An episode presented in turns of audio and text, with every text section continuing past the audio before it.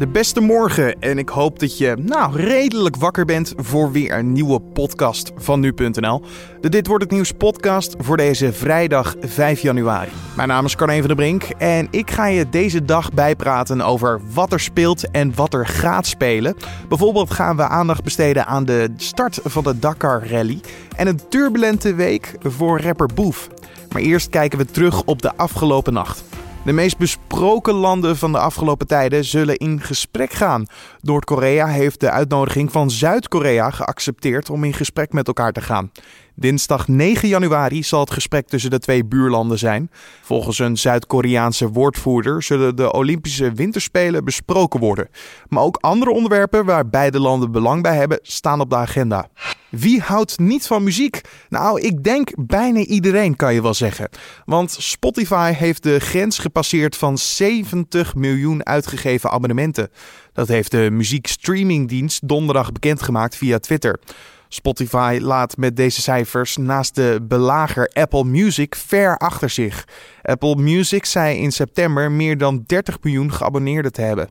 Vrouwen met een borstimplantaat lopen meer risico op een zeldzame vorm van lymfeklierkanker in de borst dan vrouwen zonder implantaat. Deze vorm van lymfklierkanker heet grootschellig anaplastisch T-cell Onderzoekers vonden 43 vrouwen met deze vorm van lymfeklierkanker, van wie er 32 een borstimplantaat hadden. Vergelijking van deze resultaten met een controlegroep gaf aan dat vrouwen met een implantaat een veel hogere risico lopen op deze vorm van lymfeklierkanker dan vrouwen zonder borstprothese.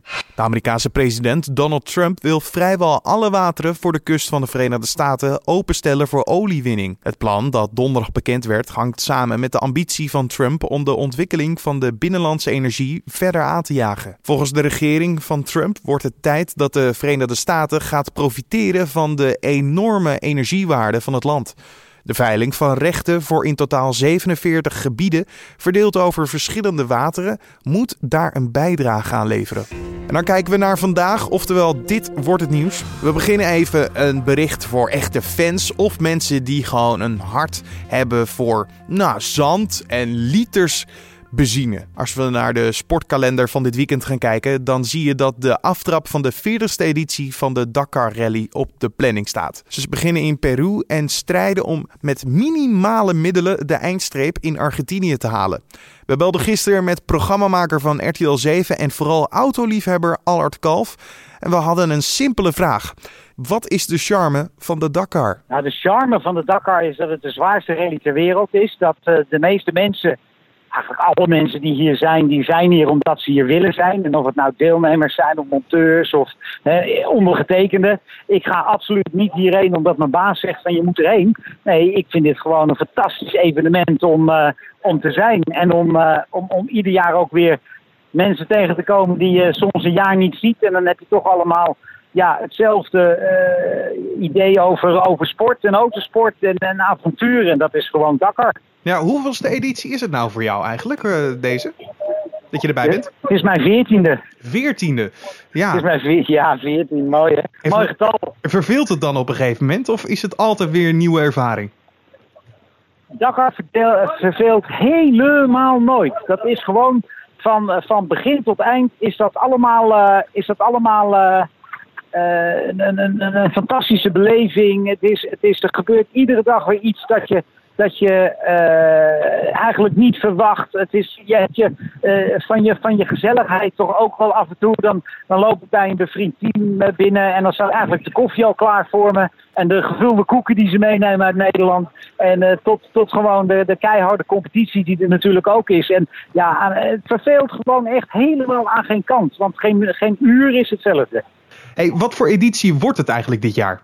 Het wordt een hele zware editie. Mark Koma, die heb ik uh, van de week een paar keer gesproken. Die uh, kijkt enorm uit naar de eerste paar dagen waar die de deelnemers echt een, een, een, een paar enorm zware etappes heeft voorgeschoteld.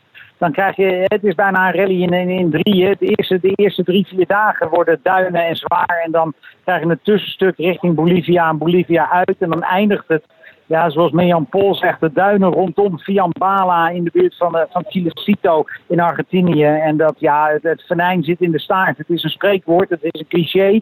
En het is waarschijnlijk in deze rally helemaal waar. Ja. ja, kunnen we ook een beetje Nederlands trots verwachten? Of ja, is dat wel heel erg hoog gegrepen?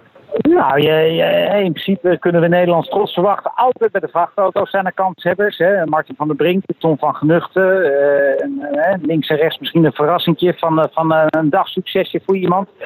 bij, de, bij de motoren hebben we Mirjam Pol, die hopelijk hoge ogen gaat gooien sowieso in het damesklassement. en bij de auto's hebben we mensen als...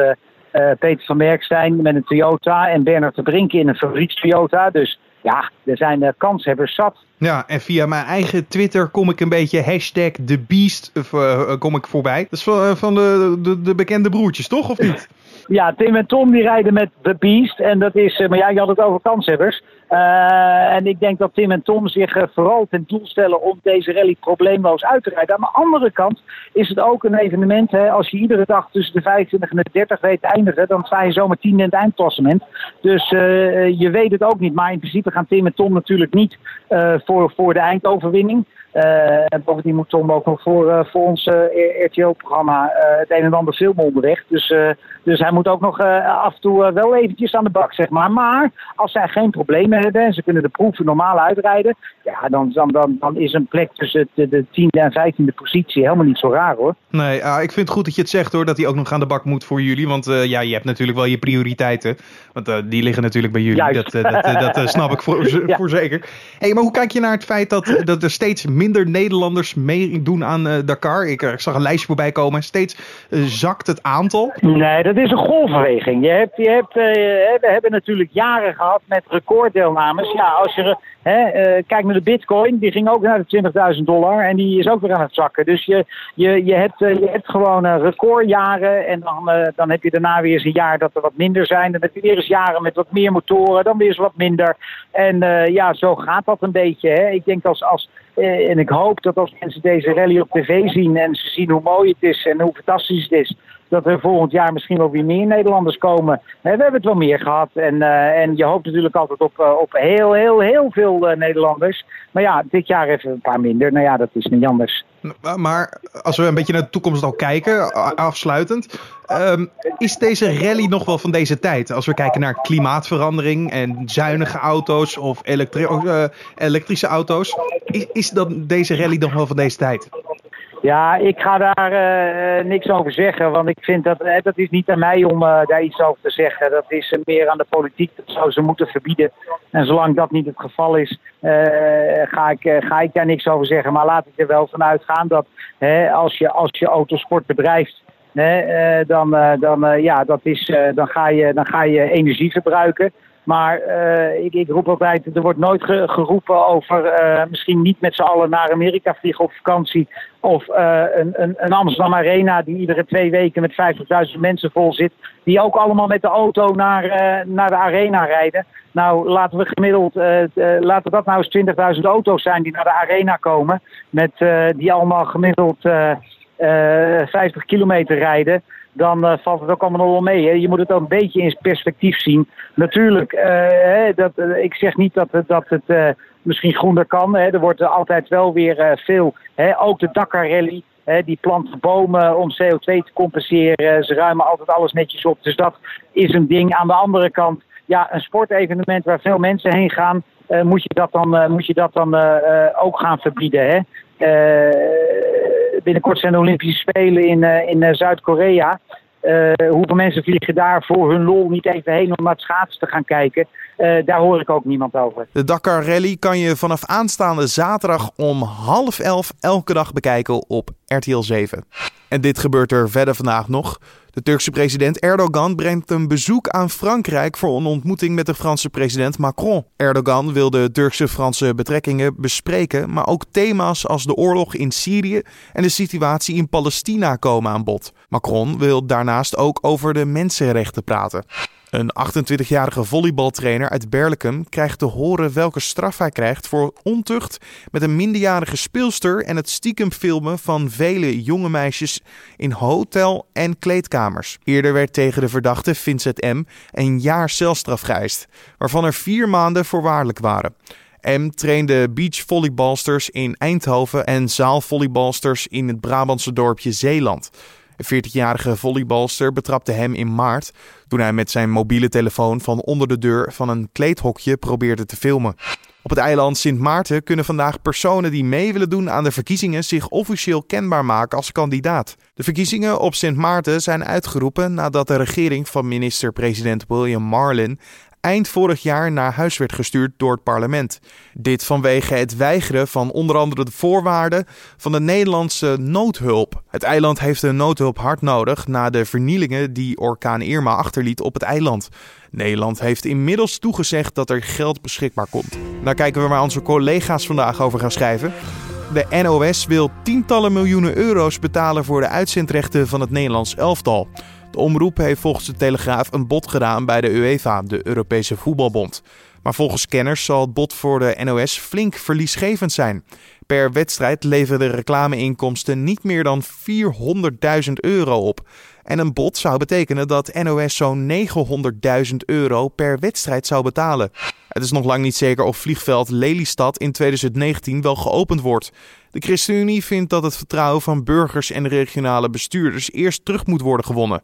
Dat schrijft het AD. In februari wordt besloten wanneer het vliegveld open gaat. En ik zie nu nog niet hoe ik daarvan overtuigd kan worden. Daarom geef ik maar vast een winstwaarschuwing af, citeert de krant ChristenUnie-Kamerlid Eppo Bruins.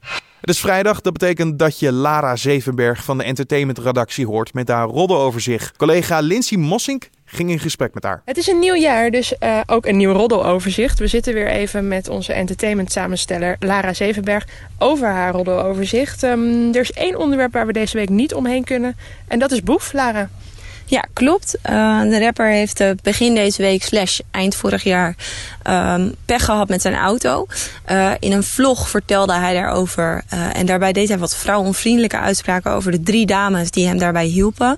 Um, op sociale media werd daar niet heel oké op gereageerd. Mensen waren boos, want ze vonden echt dat die uitspraken niet door de beugel konden.